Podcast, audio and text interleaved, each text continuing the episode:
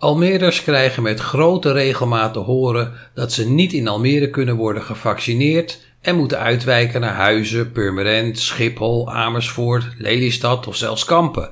En vanuit Kampen moeten de mensen weer naar Lelystad, hoorde ik. Schiphol? Dan denk je meteen aan een retourtje Israël. Daar ben je meteen aan de beurt. En Kampen? Leuk dagje uit. Maar veel van de vaccinatiekandidaten zijn op leeftijd en slechter been of niet mobiel.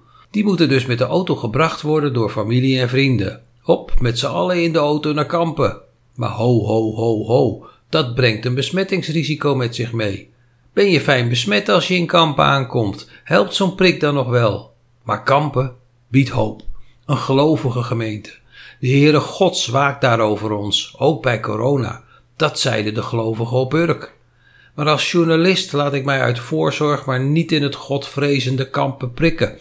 Voordat je het weet loop ik daar ook de kans nog voor het gebed in elkaar gestampt te worden. Huizen valt daarom eigenlijk ook af. Ik kies voor Schiphol.